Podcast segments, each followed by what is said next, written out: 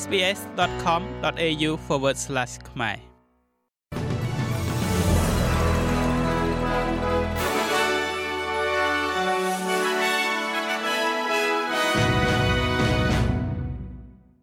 ចាសសូមស្វាគមន៍មកកាន់នេតិព័ត៌មានខ្លីៗរបស់ SBS ខ្មែរសម្រាប់ថ្ងៃអង្គារទី8ខែសីហាឆ្នាំ2023 កងកម្លាំងរបស់អូស្ត្រាលីនៃបណ្ដាញដ៏ធំមួយនៃការរំលោភបំពានលើកុមារតាមអ៊ីនធឺណិតត្រូវបានបើកបង្ហាញបន្ទាប់ពីមានការសម្លាប់ភ្នាក់ងារ FBI ពីររូបបានប្រកាសឲ្យដឹងពីការស៊ើបអង្កេតអន្តរជាតិមួយដែលផ្ដោតទៅលើសម្ភារៈរំលោភបំពានទៅលើកុមារនៅលើគេហទំព័รงងឹតឬហៅថា Dark Web ភ្នាក់ងារ FBI ពីរនាក់នេះត្រូវបានបាញ់សម្លាប់ដោយអ្នកសរសេរកម្មវិធីកុំព្យូទ័ររួមភេទជាមួយនឹងកុមារម្នាក់ ខណៈពេលដែលពួកគេអនុវត្តដីការុករកនៅផ្ទះរបស់គាត់ក្នុងរដ្ឋ Florida ក្នុងឆ្នាំ2021បុគ្គលិក IT ដែលរស់នៅតាមធម្មតារូបនេះគឺជាផ្នែកមួយនៃបណ្ដាញការរំលោភបំពានកុមារជាសកលដ៏ទំនើបមួយដែលជំរុញឲ្យមានប្រតិបត្តិការអន្តរជាតិដែលដឹកនាំដោយ FBI ដើម្បីកំណត់គោលដៅជនល្មើសនៅលើវេទិកានេះប្រតិបត្តិការ Bakis ដឹកនាំដោយមជ្ឈមណ្ឌលប្រឆាំងការកេងប្រវ័ញ្ចទៅលើកុមាររបស់ប៉ូលីសសហព័ន្ធអូស្ត្រាលីបានចោទប្រកាន់បុរស19នាក់ពីបទបំពានលើកុមារនិងបានជួយកុមារ13នាក់ចេញពីគ្រោះថ្នាក់មេបញ្ជាការប៉ូលីសសហព័ន្ធ Helen Chander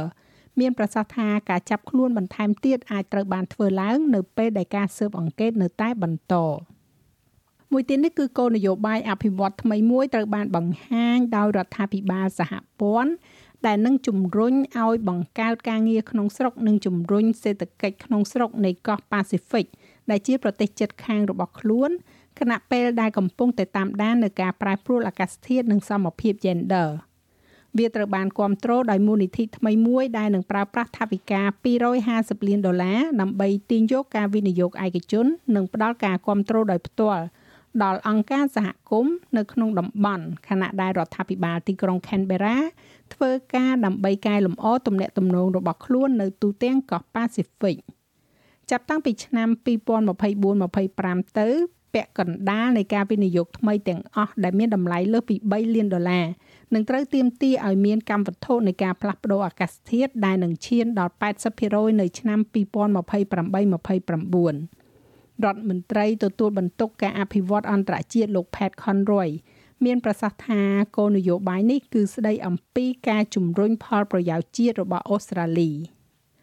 យើងក៏លេខមកមើលការចំណាយរបស់ក្រុមគ្រួសារវិញម្ដងទិន្នន័យដែលចេញផ្សាយដោយការិយាល័យស្ថិតិបង្ហាញថាការចំណាយរបស់ក្រុមគ្រួសារគឺខ្ពស់ជាងមុន1.8%បើធៀបទៅនឹងខែមិថុនាឆ្នាំមុន ប្រធានសុចនាករអាជីវកម្មលោក Ben Dober មានប្រសាសន៍ថានេះគឺជាកំណើនតូចបំផុតនៅក្នុងការចំណាយគ្រួសារចាប់តាំងពីខែកុម្ភៈឆ្នាំ2021មកការចំណាយទៅលើទំនិញនិងសេវាកម្មដែលមិនចាំបាច់បានធ្លាក់ចុះក្នុងរយៈពេល3ខែជាប់ៗគ្នាហើយការចំណាយដែលចាំបាច់បានកើនឡើង4.2%ប៉ុន្តែទោះជាយ៉ាងណាក៏ដោយ អត្រាកំណើននេះបានធ្លាក់ចុះតាំងពីខែមករាមកចុងក្រោយនេះ ក្រុមបាល់ទាត់នារីរបស់អូស្ត្រាលីគឺក្រុម Matildas បានចូលដល់វគ្គ1ភាគ4ផ្ដាច់ព្រាត់ហើយនៃការប្រកួតបាល់ទាត់នារីពិភពលោកដោយទំនុកចិត្តខ្ពស់និងជឿជាក់ថាពួកគេអាចទប់ទល់បាននៅរាល់អ្វីដែលគូប្រកួតទម្លាក់មកលើពួកគេ។អ្វីគ្រប់យ៉ាងបានបើកក្បាលឡើងយ៉ាងល្អឥតខ្ចោះសម្រាប់ការវាយប្រហាររបស់គ្រូបង្វឹក Tony Gustafsson បន្ទាប់ពីជ័យជំនះ2ទល់នឹង0មកលើក្រុមកីឡាការិនីដាណឺម៉ាក ខណៈពេលដែលសហរដ្ឋអាមេរិកអាល្លឺម៉ង់ប្រេស៊ីលនិងកាណាដាបានធ្លាក់ចេញពីការប្រកួតអស់ទៅហើយនោះក្រុម Matildas បានបញ្ចូលទៅក្នុងវគ្គ8ក្រុមចុងក្រោយជាលើកទី2 Matildas នឹងត្រូវប៉ះជាមួយនឹងបារាំងឬក៏ម៉ារ៉ុកនៅល្ងាចថ្ងៃសៅរ៍ទី12ខែសីហា នៅទីក្រុង Brisbane